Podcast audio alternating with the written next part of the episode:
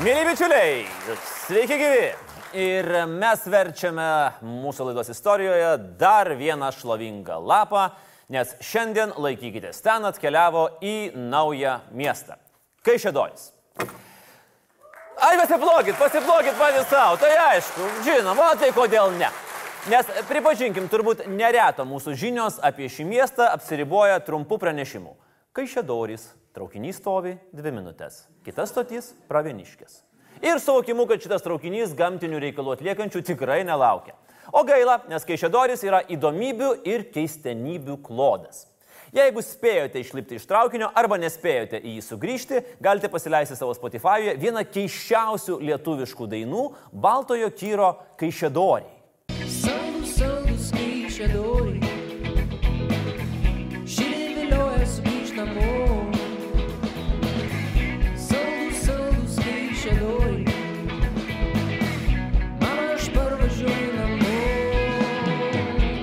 Saldus Kaišėdoriai.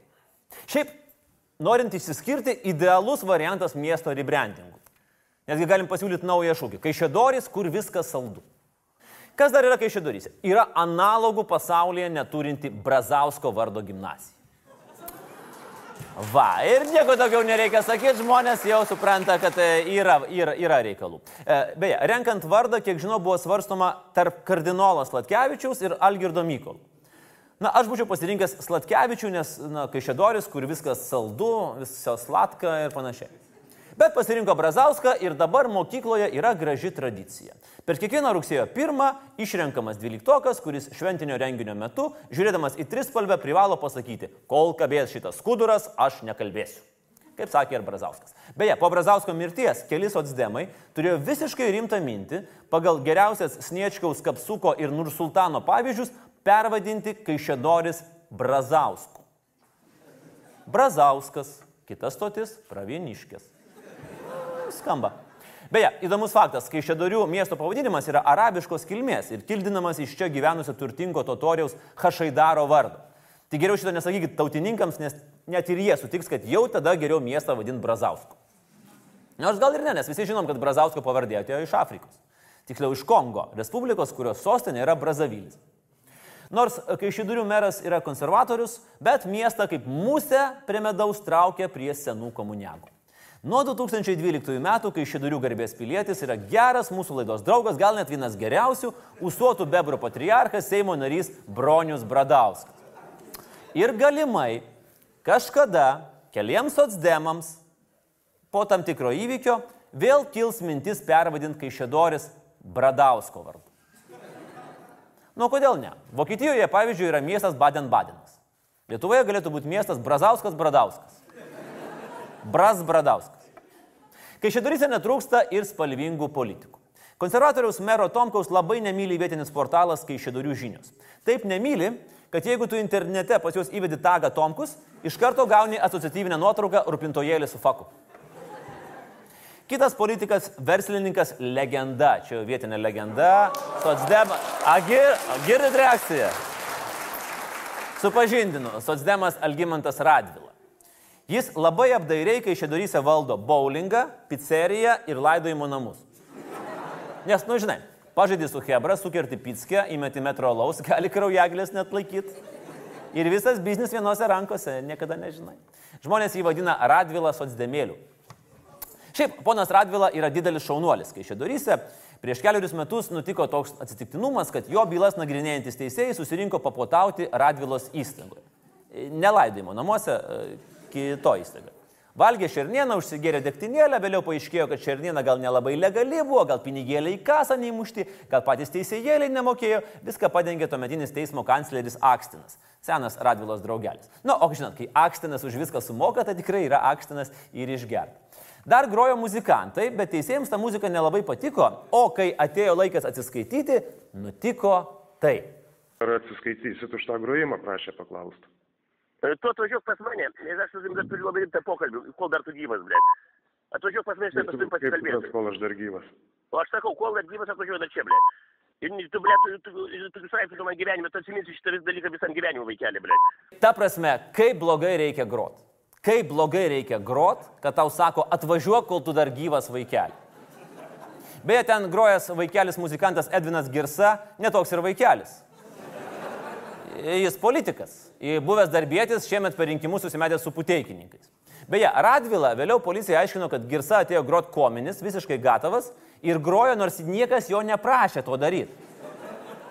Ir nežadėjo sumokėti. Tai, nu, girsos girtumą galima būtų pateisinti, net jis pats savo muzikos negali blaivas klausytis. Na, yra kaip yra. Saldus Kaišėdoris pasižymi tuo, kad čia bet kada gali ateiti girti muzikantai. Į vakarienę, į tarybos posėdį, į Grikštynas, į Pakasinas, į Brazauskiukų šimtadienį ir pradėti groti. Kaišėdorims priklauso ir Lietuvos rekordas. Ir čia jau ne juokas. Liepa rajono vicemeras Darius Vylimas pasirašė potvarkį, kuriame mes suskaičiavome 63 rašybos klaidas. Ne. Ne šešias ir tris, o 63. Aš spėju, kad tą potvarkio tekstą surinkinėjo jam muzikantas Edvinas, nors niekas jo neprašė ir nežadėjo sumokėti.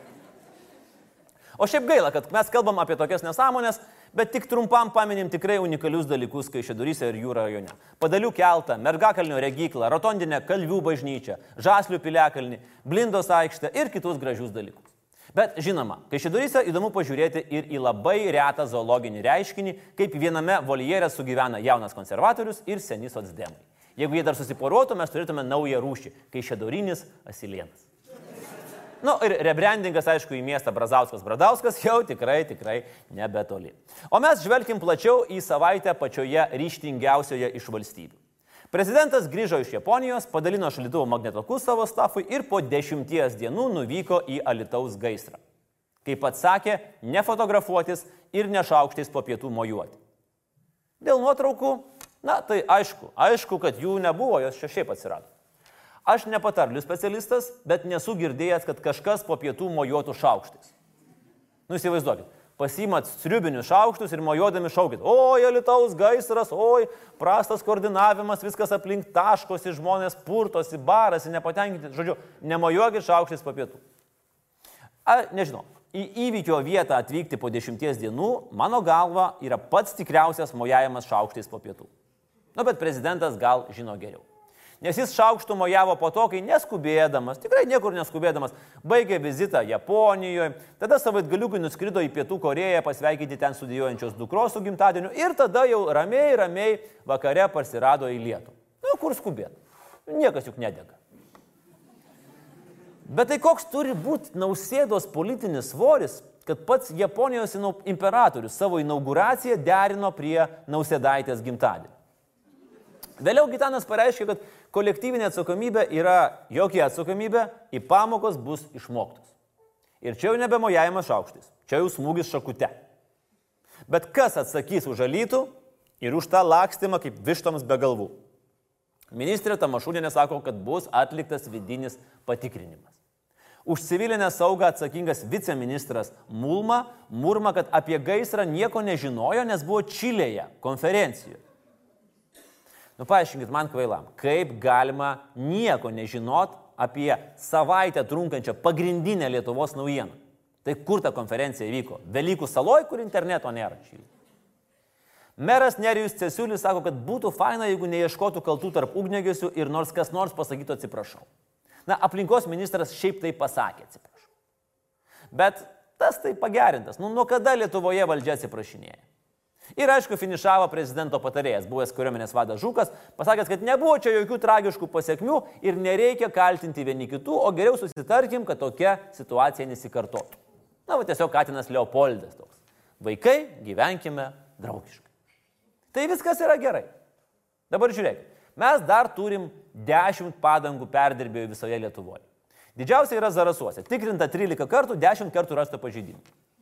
Ir vaizdelis tikrai yra neblogas, kaip matom iš Delfi nuotraukų. Kai buvom Zarasuose, man žmonės skundėsi, kad trūksta lankytinių vietų.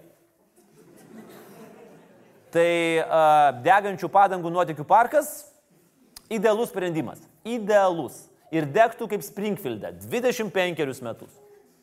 Šiauliuose yra tokia įmonė Metaloidas. Pavadinimas kaip Šiaulių heavy metalo mėgėjų būrelio grupė Facebook'e arba labai pagyvenusio transformerio vardas. Tai jį buvo tikrinta 18 kartų, 12 kartų rasta pažeidimų, jau 2 kartus degė, bet po mažai tai nesiskaito.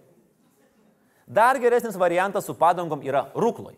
Leidimas įmoniai buvo išduotas prieš šešerius metus. Pernai ją tikrinę aplinkosaugininkai nustatė, kad teritorijoje laikoma keturis kart daugiau padangų nei galima. Po šių metų patikrinimo, kai vėl buvo nustatyta pažeidimų, įmonės vadovai dingo kaip į vandenį.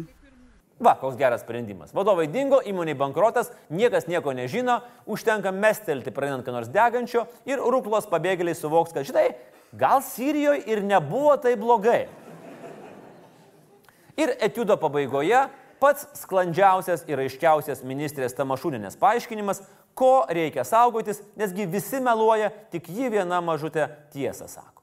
Algirdu Baltroniu. dabar, ar kaip reiktų suprasti, kaip suprasti jų pasakojimus, pasakykite apie tai, kad Bet ar mes kalba... turime tos faktus tikrus patvirtintus? Mes, na, va, tikrai tos informacijos, informacinis laukas, informacinė, e, na, mes ne, neapsisaugosim, bet tai taip pat didelė užduotis, kad mes gebėtume e, ir tą, sakykime, tas feikinės naujienas ir žinias taip pat paneigti ir kalbėti faktais ir, ir skaičiais ir argumentais. Taip, bet ir bet mes neapsisaugosime nuo Facebook'ų, nuo socialinių tinklų. Va, esminis ministrės noras - apsisaugoti nuo Facebook'o ir nuo tų socialinių tinklų. Ir kol kas dar nei žmonija, nei reptiloidė nesugalvojo geresnio būdo nei klasikinės folijos kepurytės iš rudens žiemos kolekcijos. Folga is the new black. Plus, fantastiškai turite tikti prie šukuosenos, batelių ir mekenimo, kai bandote pasiaiškinti, kaip sekėsi tvarkyti gaisro situaciją. Ok, mūsų institucijos ir mūsų valdžia pirsnoja pažadais, kad pamokos bus išmoktos ir viskas bus sutvarkyta. Žodžiu, žmonės, chill. Kas reiškia, neatsipalaiduok, o važiuok į Čilę, kaip tas viceministras Mulma atsakingas už civilinę saugą. Tai padarom taip, mes suregistruosim visus jūsų pažadus, ponai ir ponės, visus, visus, va dabar ką duodat. Nuo mokymų, iki priežiūros, iki įstatymo pakeitimo. Ir, visa, ir po pusės metų grįšim su išsamiu žurnalistiniu tyrimu. Va ką jūs padarėte. Nes taip, kad užgesinom, ugnegesiai pavėmė krauju, pakalbėjom, nuraminom ir pamiršom, nebus. Aiškinsitės nuo didžiausio iki mažiausio. Kaip mokyklai. Nuo kontrolinio neišsisuksit net ir pabėgę į Čilės Velykų salą. Beje, Alitaus miesto valdžia įspėja žmonės po padangų gaisro atsargiai rinktis daržovės ir pieną. Kažkaip labai sudėtingai įspėja. Sakykit paprasčiau. Alituje sureliams ne, kefyrui ne, šaltekams ne. Valgykit kybinus. Bet tik trakose. Judam toliau. Alituje gaisras užgesintas, bet dūmai pastebėti nuo vyriausiosios rinkimų komisijos pusės. Ten sudegė dešimties buvusių kandidatų į prezidentus užstatai. Po 4600 eurų, arba kitaip sakant, po normaliai, prarado reikiamų parašų nesurinkę arba 7 procentų barjero neperžengė kandidatai. Tai Puteikis nuostolius pasidengti mėgina gerindamasis prie Karbauskio, nes akivaizdu, kad guogutės paskola jau yra išnaudota. O štai Arvidas Jozaitis panašu, kad pradėjo dirbti eskortų. Kaip palidovė šalia senų dėdų lydės Kamblevičių ir kitus į politinę užmaištį. Ir čia yra rubrika gerovės naujienos. Nes rubrika dabar yra būtina, nes žodis gerovė dabar jau Lietuvoje yra, kaip žinot, kas kaip vibratorius. Kol naudojasi vienas žmogus yra fainai. Kai tuo pačiu pradeda naudotis visi, jau ne kažką ir su hygiena prastai. Nes dabar atrodo, kad, žinokit, visi privalo savo pavadinime turėti žodį gerovė. Ir keičiasi pavadinimai. Pavyzdžiui, bus Kauno gerovės žalgeris, antikvariniai Kašpirovskio gerovės dantis. Keisis ir miestų pavadinimai. Kai Šedoris vis dėlto taps ne Brazauskų Bradausku, o gerovės Brazauskų Bradausku. Ir prie politikos grįžtant, Puteikis išrikiavo savo svajonių, tikrai svajonių komandą kovoje dėl Seimo. Krivickas, Janutienė ir Violetinis Gilys. Huh. Komandos pavadinimas bus Centro partija Gerovės Lietuva. Rimantas Jonas Dagys susipyko jau su Vytautu Sinica ir kurs naują partiją, preliminarių pavadinimų Krikščionių sąjunga, Santarvė ir Gerovė. Vytautas Kamblevičius ir Arvidas Jozaitis irgi kūrė naują partiją, kurios pavadinimas Santalka Lietuvos geroviai, čia yra Lietuva. Pavadinimas yra toks ryšlus, patogus ir aiškus, kad ryškiai tikrai sugalvotas Kamblevičius. Santalka Lietuvos gerovė, Lietuva yra čia. Ir todėl e, mūsų toks pavadinimas galbūt e, truputį, sakyčiau, kai kurios politikus e, suglumino, todėl e, kai kurie partijos atstovai, norėdami mūsų dalį, sakyčiau, pavadinimo pasisavinti ar tai sutapatinti kaip ir mūsų Lietuvos gerovė, tačiau čia yra kiekvienos partijos yra asmenis reikalas ir mes į tos, e, sakyčiau, santykius nenorime kištis. Suglumino pavadinimas kai kuriuos politikus. Pons Kamblevičiau tave patys suglumino, nesakydamas savo partijos pavadinimą per vidurį pamiršai ir turėjai lapuką pasižiūrėti. Nu žodžiu. Gitanas žiūri į šitą šokį su kardais aplink gerovę ir galvoja, uh, that escalated quickly. O šiaip su kiekviena nauja gerovės partija vis labiau norisi pritarti populiariausiai Facebook'o partijai Valstybinis tautos frontas, kuri pasiūlė kurti ne gerovės, o su gerovės valstybė. Nes atrodo, kad su šitie gerovės partijų į Seimo rinkimus blaiviam eiti bus visiškai neįmanoma. Planuojame parduoti pusę LRT televizijai priklausančios teritorijos Konarskio gatvėje ir toje vietoje būtų statomas daugiabučių namų rajonėlis. Mūsų žiniomis LRT iškėlė sąlygą dėl bendrų rajonėlio projektų pavadinimų. Na, prabangiausi būtai būtų projekte Auksinio proto rezidencija. Vidutinės kokybės būtai, kur neaišku, ar bus gerai, ar nelabai tokia savotiška loterija, būtų projekte Keno Loto terasos. Ekonominės klasės būtai suprasta garso izolacija patektų į kategoriją visi kalba, o prasčiausios kokybės būtai būtų kas ir kodėl sugalvojo šitaip statyti. LRT LT laida Spalvos parodė reportažą apie du gėjus tėčius. Mūsų draugų, tų kur, žinot, už vaikus, už mergaitę, už medžius, prieš skalūnus, prieš sveiką protą, tarpe aišku kilo isteriškas šurmulys, kuris kitą savaitę turėtų virsti mitingu prie LRT.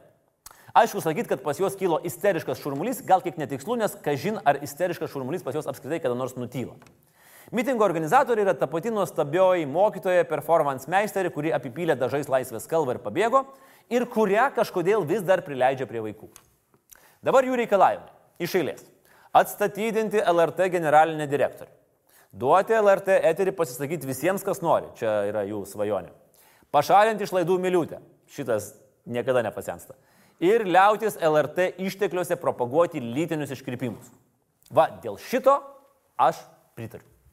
Kodėl aš kiekvieną penktadienį su vaikais įsijungęs LRT turiu jiems aiškinti, ką televizoriaus LRT ekrane veikia du vyrai. Ir ne, čia ne apie bukas ir bukesnis. Čia labiau pinkis ir makaulė. Aš esu makaulė. Laisvos visuomenės institutas, kuris propaguoja bet ką, tik nelaisvą visuomenę, pasisako už abortų draudimus ir žavisi Lenkiją, kuri įveda tvarką, kad lytinis švietimas gali būti kriminalizuojamas, surinkė žvakučių akciją skirtą negimusiems vaikams. Pirmoji ponė Diena Nausėdienė degė žvakutes ir su patosu kalbėjo apie tai, kad besilaukiančioms moterims atsidūrusiems sudėtingoje situacijoje reikia nelikti vienoms ir ieškoti pagalbos tarp žmonių nes cituoju pirmąją ponę, ji tiki kiekvieno žmogaus gerumo sėklą.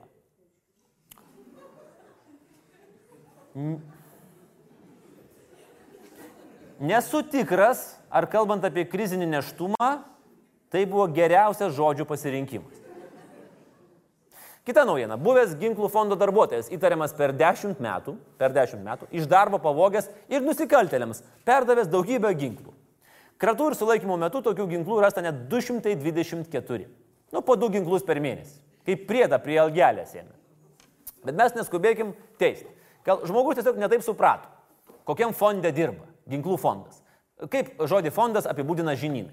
Fondas tai yra organizacija, kuri padeda tam tikros srities asmenims tobulinti savo kvalifikaciją ir juos remianti. Tai aš manau, kad remdamas nusikaltėlio organizacijas jis padėjo jiems pakelti savo kvalifikaciją. Ir čia neteist, o pagirimo raštą reikia išrašyti. Praėjusią savaitę dar buvo kilęs nerimas Jurbarke, kai Lenkijoje dingo Jurbarkiškis tralo vairuotojas. Ir artimieji sunerime prašė visuomenės pagalbos. Tai šią savaitę jis atsirado.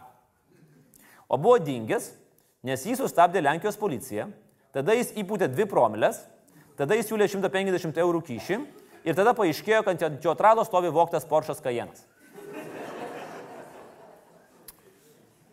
Tai čia tas momentas, kai gal ir atsirasti jam visai nebesinorėjo. O dabar judėkime į pagrindinę laidos temą. Kalbėsime apie šalį, dėl kurios nesutarė nei Lietuvos, nei užsienio politikai. Ar turėtume saugotis jos įtakos? Kaip reaguoti jos vidaus politiką ir varžomas žmogaus teisės? O gal kaip tik turime kuo greičiau plėtoti ekonominius ryšius? Ar aišku apie ką aš? Ne, tikrai ne apie Rusiją. Nes ten kyla ne ekonomika, ten kyla tik korupcijos reitingas, kainos į Pugačiovos koncertus ir kraujo spaudimas, kai tu matai Putiną nuogą ant arklio. Aš kalbu apie didžiausią Donaldo Trumpo džiaugsmą ir neviltį. Ne, ne apie Melaniją Trumpą. Apie pagrindinę Amerikos konkurentę pasaulyje dėl galingiausios pasaulio šalies statuso. By the way, I love China. I mean, I love China. How can you not love China? I love China. China, China. China, China, China, China, China, China, China, China. And you know China, China, China, China, China, China, China, China, China, China, South China, China, China. People say, oh, you don't like China. I like China. China. I love China. China. China all the time. Kinija. All the time. Arba kaip jie patys save vadina, Žongua, centrinė šalis. Arba vidurio karalystė. Jau iš pavadinimo matosi, kad kuklumas Kinijoje nėra tarp dažniausių mirties priežasčių. Kinai didžiuojasi tuo, kad išrado popierių, paraką, spausdinimą, kompasą ir jaumingą. Paragas sunaikino riterius, spausdinimas sugriovė bažnyčios monopolį žinioms, kompasas atvėrė kelią geografiniams atradimams, jaumingas po krepšių sunaikino visus, na, o popierius, visi buvom situacijoje, kai popierius labai reikia, o jis baigėsi. Dar kinai pasistatė didžiąją sieną. Labai gera siena buvo, nei vieno meksikiečio neprasibrovė, tik įkyrus klajokliai. Brovėsi tol, kol užkariavo. Labai gaila, kad kinai pastatė tik vieną didžiąją sieną, nespėjo dar kitų trijų pastatyti ir stogo. Būtų turėję namuką. Paskutinė Mandžiūrų dinastija Kinija smarkiai nustekeno ir į ją pro visus galus pradėjo lysti godus europiečiai. Iš Kinijos vežės šilką, porcelianą, vertybės, o patys nelabai turėjo ką pasiūlyti, kol anglai sugalvojo, kad, žinai, galbūt neblogai kinus pasodinti ant opijaus. Kinams opijus patiko ir priekybos balansas susilygino. Tas nepatiko imperatoriui. Ir jis pabandė išmesti lauk ir opijų, ir anglus. Bet prakišo du karus. Tiesa, tuo metu dar įvyko pilietinis karas su taipingais, kuriems vadovavo bičios įsivaizdavęs esas jaunesnysis Jėzaus Kristaus brolis. Per tą karą žuvo daugiau kinų nei apskritai žmonių per antrą pasaulinį karą, kas neblogai nusako Kinijos užmojus ir mastelius. Imperija žlugo pasidarė respubliką, kol neatėjo japonai. Tada kinai susivienijo, bet kaip dažnai būna, į dvi skirtingas Kinijas. Vienoje valdė komunistai, kitoje nacionalistai. Tai jie kartu ėjo prieš japonus. Arba japonai kartu su nacionalistais prieš komunistus. Arba komunistai kartu su japonais prieš nacionalistus. Ir kai Japonija prakišo antrą pasaulinį, komunistai, padėdami sovietų, priveikė ir nacionalistus, kurių likučiai pabėgo į Taivaną ir ten paskelbė Kinijos Respubliką. Ir taip atsirado dvi Kinijos, bet nesakykite to komunistams, nes jiems yra vienintelė Kinijos liaudės Respublika. Komunistai dar užkariavo Tibetą ir po to jų vadas Mao ėmėsi reformų. Iš pradžių sugalvojo iššaudyti visus žvirblius, nes jie lesa grūdus. Kai iššaudė, pamatė, kad nėra gerai, nes prie viso vabžių. Tada nusprendė imtis pramonės. Didžiojo šuolio programa numatė patrigubinti plieno kiekį per ketverius metus. Visi valstiečiai turėjo mesti velnio kryžius su žuvies skono keuliena ir vietoj to pastatyti po nedidelę aukštakrosnę, kurioje lydė ketų ir plieną. Šuolis buvo puikus. Iš bado mirė 50 milijonų žmonių.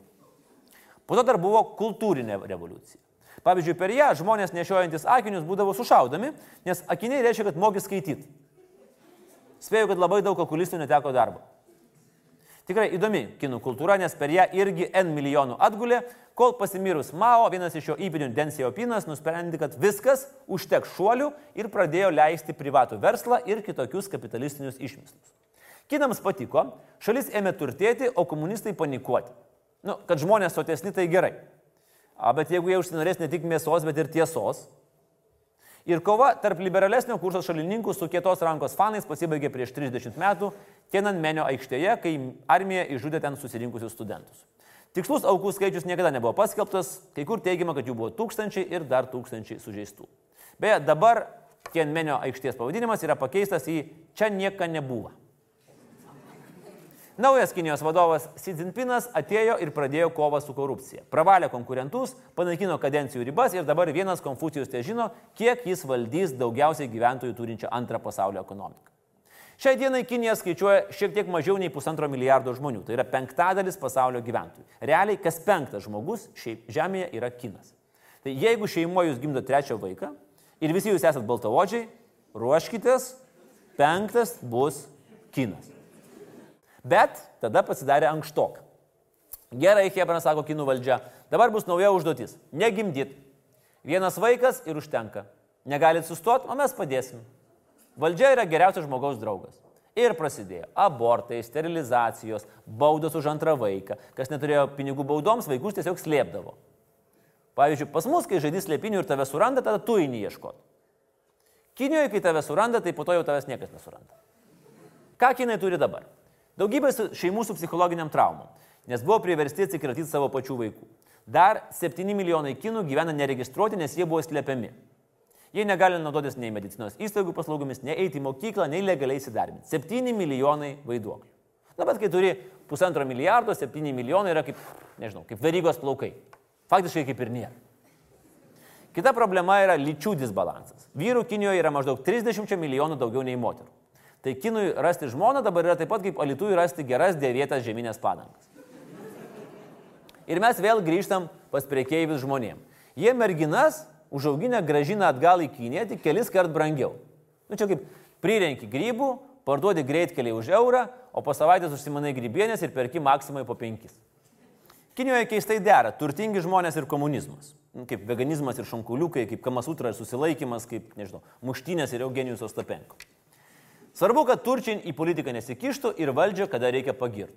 Na, po to būna, kad, aišku, sušaudo vieną kitą dėl korupcijos profilaktiškai. Na, bet kam nepasitaiko. Užtat dabar Forbes milijardierių sąraše jau daugiau nei 300 kinų, kai 10 metais buvo tik 60. Kinijos noras pilnai kontroliuoti savo visuomenę stebina ir tuo pačiu metu neramina.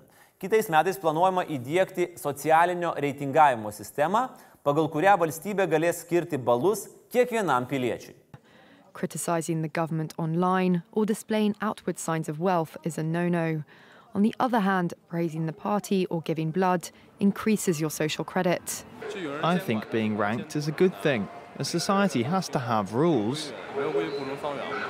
It forces us to be well behaved. Bet aišku, yra ir pliusų. Dabar kinų kalėdų senelių nereikės klausti, kas šiais metais buvo geras. Atsidarai lentelę ir matai reitingą. Kaip IMDb, tik čia bus ICDB - Internet Chinese Database. Ir vėl norisi atsigręžti į Orvelą. Tik ne į gyvulių ūkį, o į 84-uosius. Arba, kaip pasakytų Pranskėtis, geri metai buvo.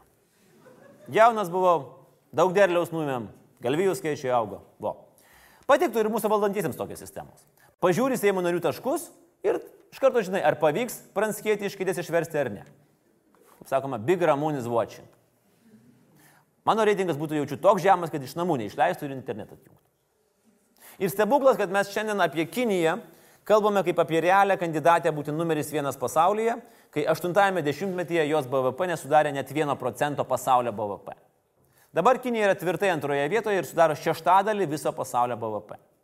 Greičiausiai augantis dalykai pasaulyje yra bambukas, Karbauskio problemos ir Kinijos ekonomika. Kaip bebūtų, turtai greitai auga, nes kinai pagamina didžiąją dalį jūsų namų elektronikos. Beveik visas jūsų automobilio dalis - baldus, plasmasinius niekučius, jekeliūno akinius, šimašiaus paltuką ir zuoko riedį. Ir Kinija gali savo tai leisti. Nes ateina didelis investuotojas ir sako, okei, okay, hebrytė reikia fabrikų. Bus. Reikia darbuotojų. Bus. Aparatūros reikia. Kada pradedam? Ir žiūri taip netiki, nu okei. Okay. Bam, akurat po metų ir yra. Kaip? Zin, tik mokėkit pinigus, visko bus. Šalia fabrikų pristatyta tiek miestų, kad per trejus metus Kinija sunaudojo daugiau betono nei Junktinės valstijos per 20 amžių. Pakartosiu. Per trejus metus daugiau nei per visą 20 amžių. Amžius yra šimtas metų. Ir kai privarai tiek betono ir net ne didžiosios kinų sienos atstatymui, o naujiems megamiestams, pasitaiko, kad ir prašauni. Iki dabar kai kurie ištisi mikrorajonai, nu kaip mikrorajonai, labiau makrorajonai, tokie pašilaičiai pritaikyti milijonui žmonių, iki šiol jie stovi tušti. Ir taip išsibetonavę gatves, miestus ir tiltus, pasistatę ilgiausią greitųjų traukinių tinklą pasaulyje, kinai pradėjo galvoti, nu ką čia dar susukus. Ir pasidavė į technologijas. 15 metais paskelbė strategiją. Nebebūsim gamykla, kursim technologijas, inovacijas, gaminsim robotus, būsim lyderiai dirbtiniam intelektui. Kinų šūkis verslė yra labai paprastas. Vok arba inovuok. Tai kinai daro ir tą, ir tą. Pavyzdžiui, Huawei kūrė 5G technologiją. Ta pati daro ir švedų Ericsson. Iš švedų Ericsson per 3 metus iš Kinijos yra įsilaužiama 5 kartus. Begėdiškai vagiamos ir karinės technologijos. Pažiūrėkite. Va čia yra Junktinio Amerikos valstybių naikintuvas F-22. O kairiai kiniška kopija ILA X. Čia iPhone'as, čia kiniška kopija. Kairiai pusiai Last Week Tonight with John Oliver, dešiniai pusiai tai yra kaip yra. Sudėjus tokią kopijavimo kultūrą, praktiškai uždara Kinijos internetą ir sumonius verslininkus, vietoje vakarų gigantų ten dominuoja vietiniai. Kinai negooglina, o baiduina. Vietoj Instagraminimo tiktokina, vietoj tweetinimo veibina, vietoj Messengerio vyčiatina, vietoj Amazono alibabina. Nu, supratot mintį. Kinai semėsi know-how ir iš buvusių Lietuvos miestų merų. Ne tik vagia, bet ir daro. Todėl nuolat kyla inovacijų reitinguose. Lyderiauja mobiliuose mokėjimuose. Smartphone gamyboje top 5 trys kinų kompanijos Huawei aplenkė iPhone. Na ir lyderiauja paspirtukuose. Na kas dar gali taip pigiai gaminti išmaniuosius sprando nusisukimo prietaisus, jeigu ne kinai?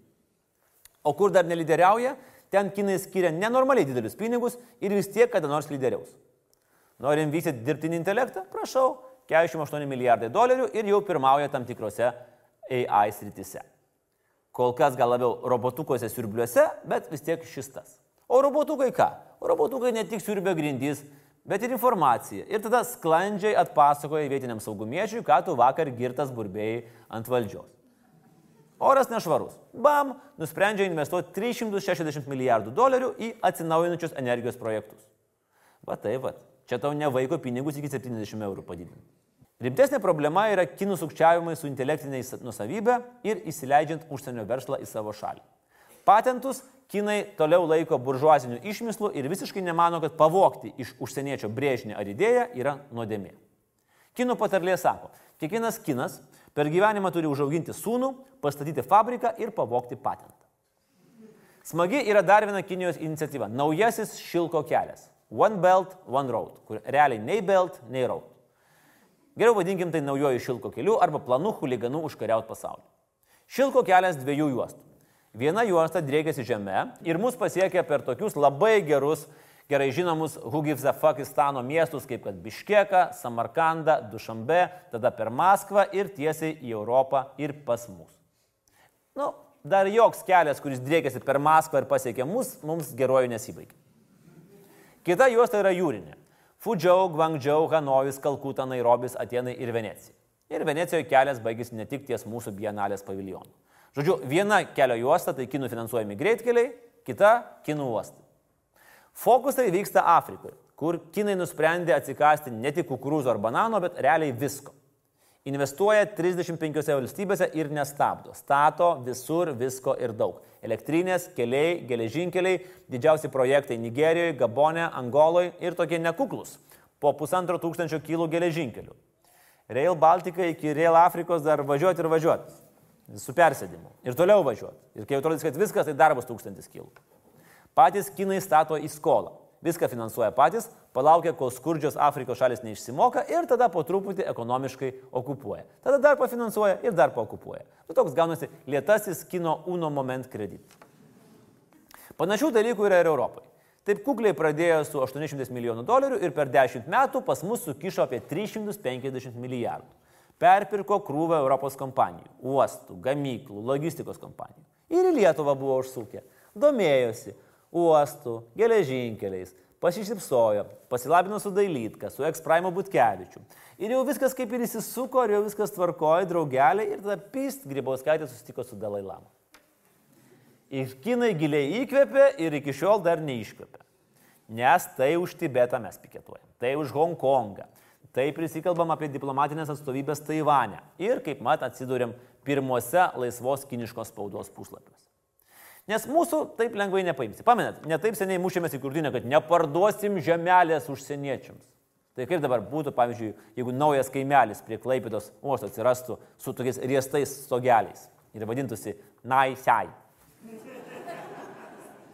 Tuo tarpu Latvijos uostai, ar Čekijos milijardierius premjeras, ar vengrų diktatoriukas daug meiliau kalba, daug žemiau nusilenkti moka, juoniai nekvepia ir juos pasimti norinčių netrūksta. Ir visos žmogaus teisės šmeisės eina į antrą planą. Čia yra tas pats, kas apsivilti kailinius, bet toliau aiškinti, kad tu labai myli gyvūnus. Šermonėlius ypač. Tuo labiau, kad pasaulis jau spėjo priprasti prie penktą mėnesį Hongkongė vykstančių protestų. Ir net spėjo pamiršti, nuo ko viskas prasidėjo. O prasidėjo, kaip ir visi dideli dalykai, nuo mažų. Nuo naujo ekstradicijos įstatymo. Įstatymas Hongkongė buvo pakeistas tuo metu, kai vienas jaunuolis kelionės Taivanė metu nužudė savo draugę ir pasislėpė Hongkongė. Nu, reikia ekstradicijos. Tik tarsi netyčia, naujas projektas numato, kad nuo šiol Hongkongo piliečius bus galima išduoti ne tik į Taivaną ar Makao, bet ir į Kiniją. Ir va sunerimo, kad Kinijos valdžia pasinaudos įstatymu, kad parsivežtų ir visus disidentus. Prasidėjo demonstracijos. Pradžių 15 tūkstančių, tada 50, po to pusantro milijono. Demonstravo ne tik studentai, išėjo gatves visi ir buhalteriai, netgi vyko advokatų demonstracija. Jeigu jau net advokatai nepatenkinti, reiškia reikalas tikrai yra blogas. Į reikalą įsijungia policija ir nuo to laiko Hongkongė gal ir įdomiau, bet tikrai nesaugiau, nes niekada nežinai, kurią metro stoti užpuls studentai, niekada nežinai, ar negausi lūp nuo vietinių mafijo triado atstovų ir dar nepamirškim advokatų. Kinijos valdžia paniškai bijo bet kokio silpnumo parodymų. Sakykime, nu kam gali rūpėti, ką apie Kiniją mano Motijūnas, Kleiza ar net Tony Parkeris. Tai vad manykit iš naujo. Neviniojant į vatą, Kinija įkalė Amerikai rimtą bloką. Viskas prasidėjo, kai Houston Rockets generalinis vadybininkas Twitter'e išreiškė palaikymą Hongkongo kovai už laisvę. Kinija sureagavo griežtai. Nu ir kas? Rodos milijardus pajamų kasmen gaudinti NBA lygą neturėtų per daug sukti galvos dėl kito pusrutulio valstybės, kur dauguma gyventojų nesiekia metro pem. Avat ir ne. Kinijos rinka milžiniška ir krepšinis jiems patinka. Ypač prie to prisidėjo milžinas Jao Mingas, geriausias karjeros dienas praleidęs būtent Houstono Rockets komandoje. Iki šiol Jao marškinėliai yra vieni populiariausių Kinijoje. Pats Jao šiuo metu yra Kinijos krepšinio asociacijos prezidentas. Sklando gandai, kad jeigu Lidlas žengs į Kinijos rinką, tai Jao tikrai bus jų pagrindinis reklaminis veidas. Tai štai, Mingo vadovaujama organizacija iš karto pasmerkė Rockets vadovo žinutę ir prasidėjo. Kinijos kompanijos ėmė trauktis tiek iš Rockets, tiek bendrai iš NBA rėmėjų. Po savaitės Šanhajuje vykusios prieš sezoninės NBA rungtynės nebuvo transliuojamas per televizijas. Atšauktos visi preskonfai. Parduotuvės išėmė NBA marškinėlius. NBA komisaras Adamas Silveris mandagiai pareiškė, kad lyga žodžio laisvės varžyti negali ir už žinutę jis neatsiprašinės bet kartu išsakė apgailestavimą, kad jį nuliūdino tiek daug žmonių, daug milijonų NBA fanų Kinijoje. Na, čia lyg gražulis pareišktų, kad po nesantokinės dukters gimimo daugiau nesantykiau su moteriu. Ai, palauk. Viską užvyręs Houstono generalinis vadybininkas irgi greitai ištrynė savo tweetą ir puolė atsiprašinėti. Viešai atsiprašė ir komandos superžvaigždė Jamesas Hardinas, pareiškęs, kad labai myli Kiniją. Uh, we love everything you know they're about, and, and, uh, and you know we appreciate the support that they give us individually and as an organization. So, uh, you know, we love you. Va, vos menisko barzdylą nesusiplėšė, be kelia klupščiaudamas. Kur visame šitame didžiajame žaidime yra Lietuva? Ar mes kinams iš viso rūpim? Ar apie mus girdėję? Na, gal girdėjo Jona Kazlauską, nes jis treniravo Jao Mingą rinktiniai. Na, Šankajus ryklių fanai sužinos apie Kauno ryklį Donatą Motejūną, o Nanžingo Monkey Kings gerbėjai puikiai žino Gintoro Krapiko ūsus. Bet mūsų 3 milijonai. Kinų 1435 milijonai. 1436 milijonai. Niekada reikšmingų politinių ar ekonominių santykių su Kinais mes neturėjom. Kinija net nėra didžiausias Lietuvos partneris, prekybos partneris Azijoje. Bet įdomus mes esame ne dėl krepšinio, o dėl to, kad mes priklausom ES ir NATO. Pernai Kinija pirmą kartą buvo aiškiai įvardinta kaip viena iš potencialių grėsmių Lietuvos saugumui. Per mūsų piliečius kinų žvalgyba gali siekti gauti nes viešą informaciją ne tik apie Lietuvą, bet ir apie ES ar NATO. Kinija mėgsta sukti ramunę su tokiom mūsų nedraugiam kaip Rusija ir Šiaurės Koreja, padėti joms įsigyti įvairių technologijų, kurios jiems neprieinamos dėl vakarų sankcijų. O rusams iš traktoriaus konstruoti naikintuvo, žinot, sunkiai sekasi. Jiems įdomi mūsų strateginė infrastruktūra - Klaipėdos uostas. Ten įsikūrusi Lietuvos karinio laivinio bazė. Nu, bet ačiū Dievui, Klaipėdos uostas yra nacionaliniam saugumui reikšminga įmonė ir ten investuoti gali tik Lietuvos sąjungininkai. Iš kitos pusės tai visi renka informaciją. Ar naudotume Facebook ar Alibaba, Huawei ar iPhone, ar savo merginos laptopą. Visi jie kruopšiai renka apie tave informaciją. Tai gal mus truputį mažiau skauda, kai mus šnipinėja sąjungininkai.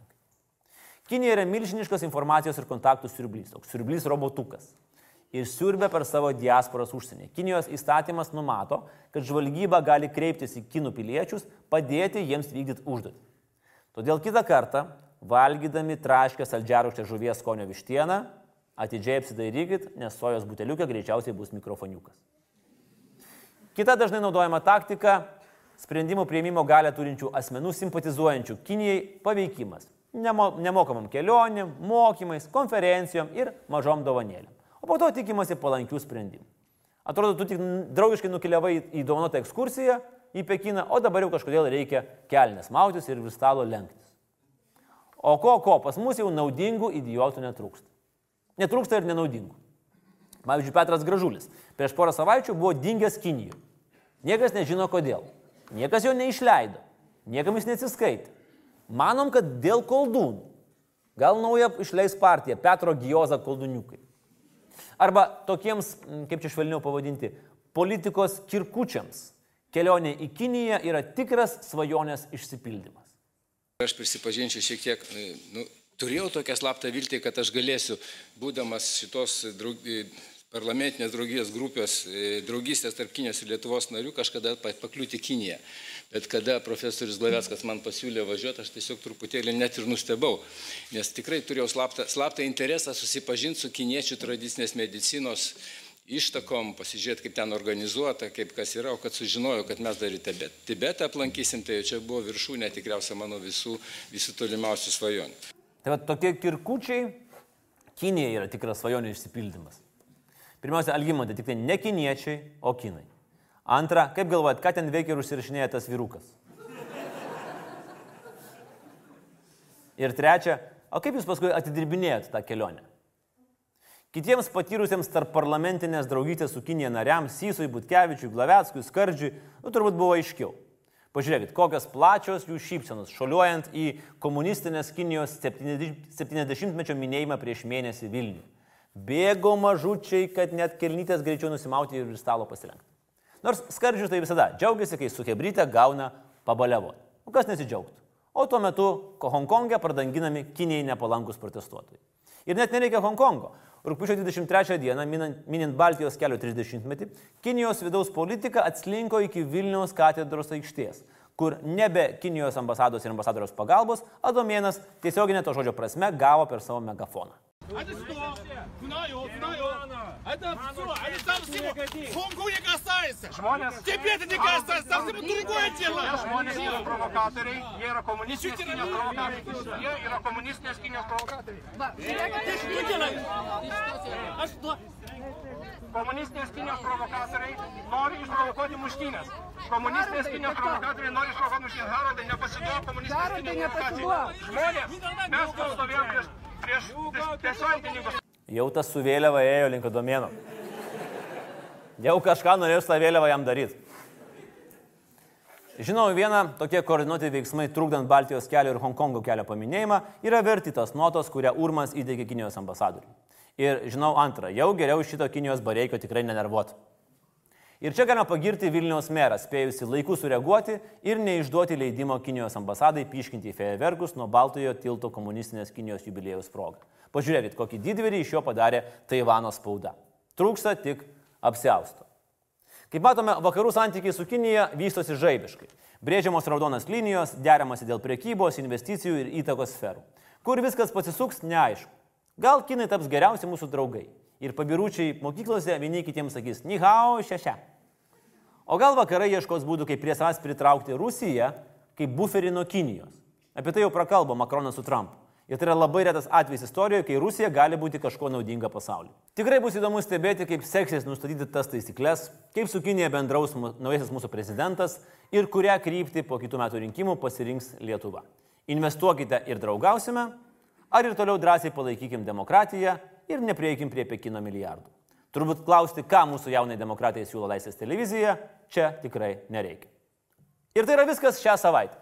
Kitą savaitę mūsų laukia tauragė, o šiandien ačiū saldiesiams kaišėdoriams ir reikia nešti mėsas iš čia greičiau, kol dar vaikeli mes gyvi, kol dar nereikia niekur važiuoti rimtam pokalbiui ir kol dar netėjo groti Edvinas, nes prisiminsiu visą gyvenimą. Viskas. Ate.